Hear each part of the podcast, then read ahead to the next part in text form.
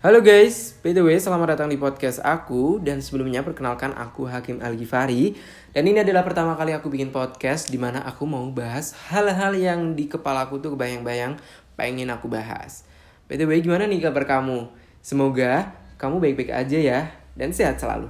Dan hari ini aku mau bahas mengenai bullying Di mana bullying ini meresahkan semua umat di bumi. Tapi stay tune podcast gue ya buat beberapa menit ke depan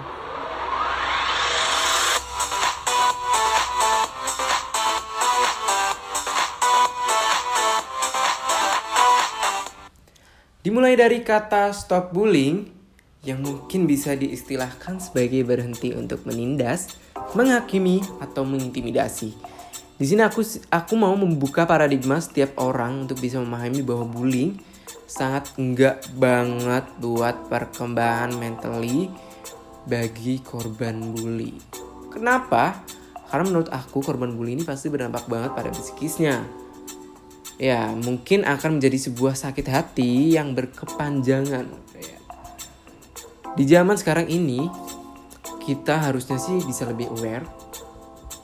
Nah, aware di sini itu terhadap si pelaku bullying atau korban dari si bullying.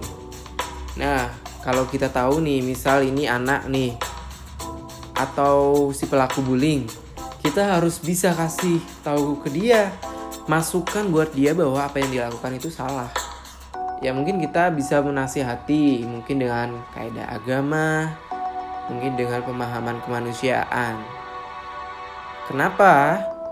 Karena dengan kita bisa menasihati dia, dengan memberikan pemahaman ke dia, dia bisa lebih tahu apa sih dampak dari si bullying, dampak dari bullying karena bullying ini itu sangatlah bahaya.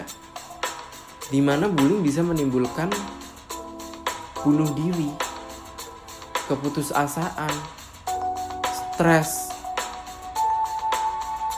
Mereka yang kena bullying itu bisa kayak nggak mau bersosialisasi, nggak mau keluar, dan lebih parahnya seperti yang aku bilang tadi, bisa aja bunuh diri mereka.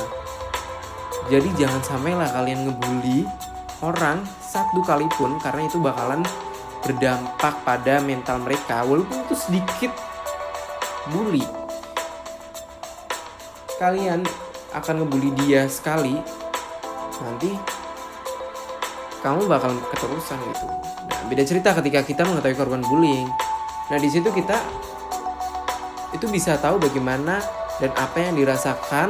Kita harus bisa masuk ke dalam dunianya dengan memberi support yang intinya dia tidak akan kenapa-kenapa karena perjalanan hidup dari Tuhan yang memang harus dia lewati karena dia diciptakan Tuhan menjadi seseorang yang lebih istimewa.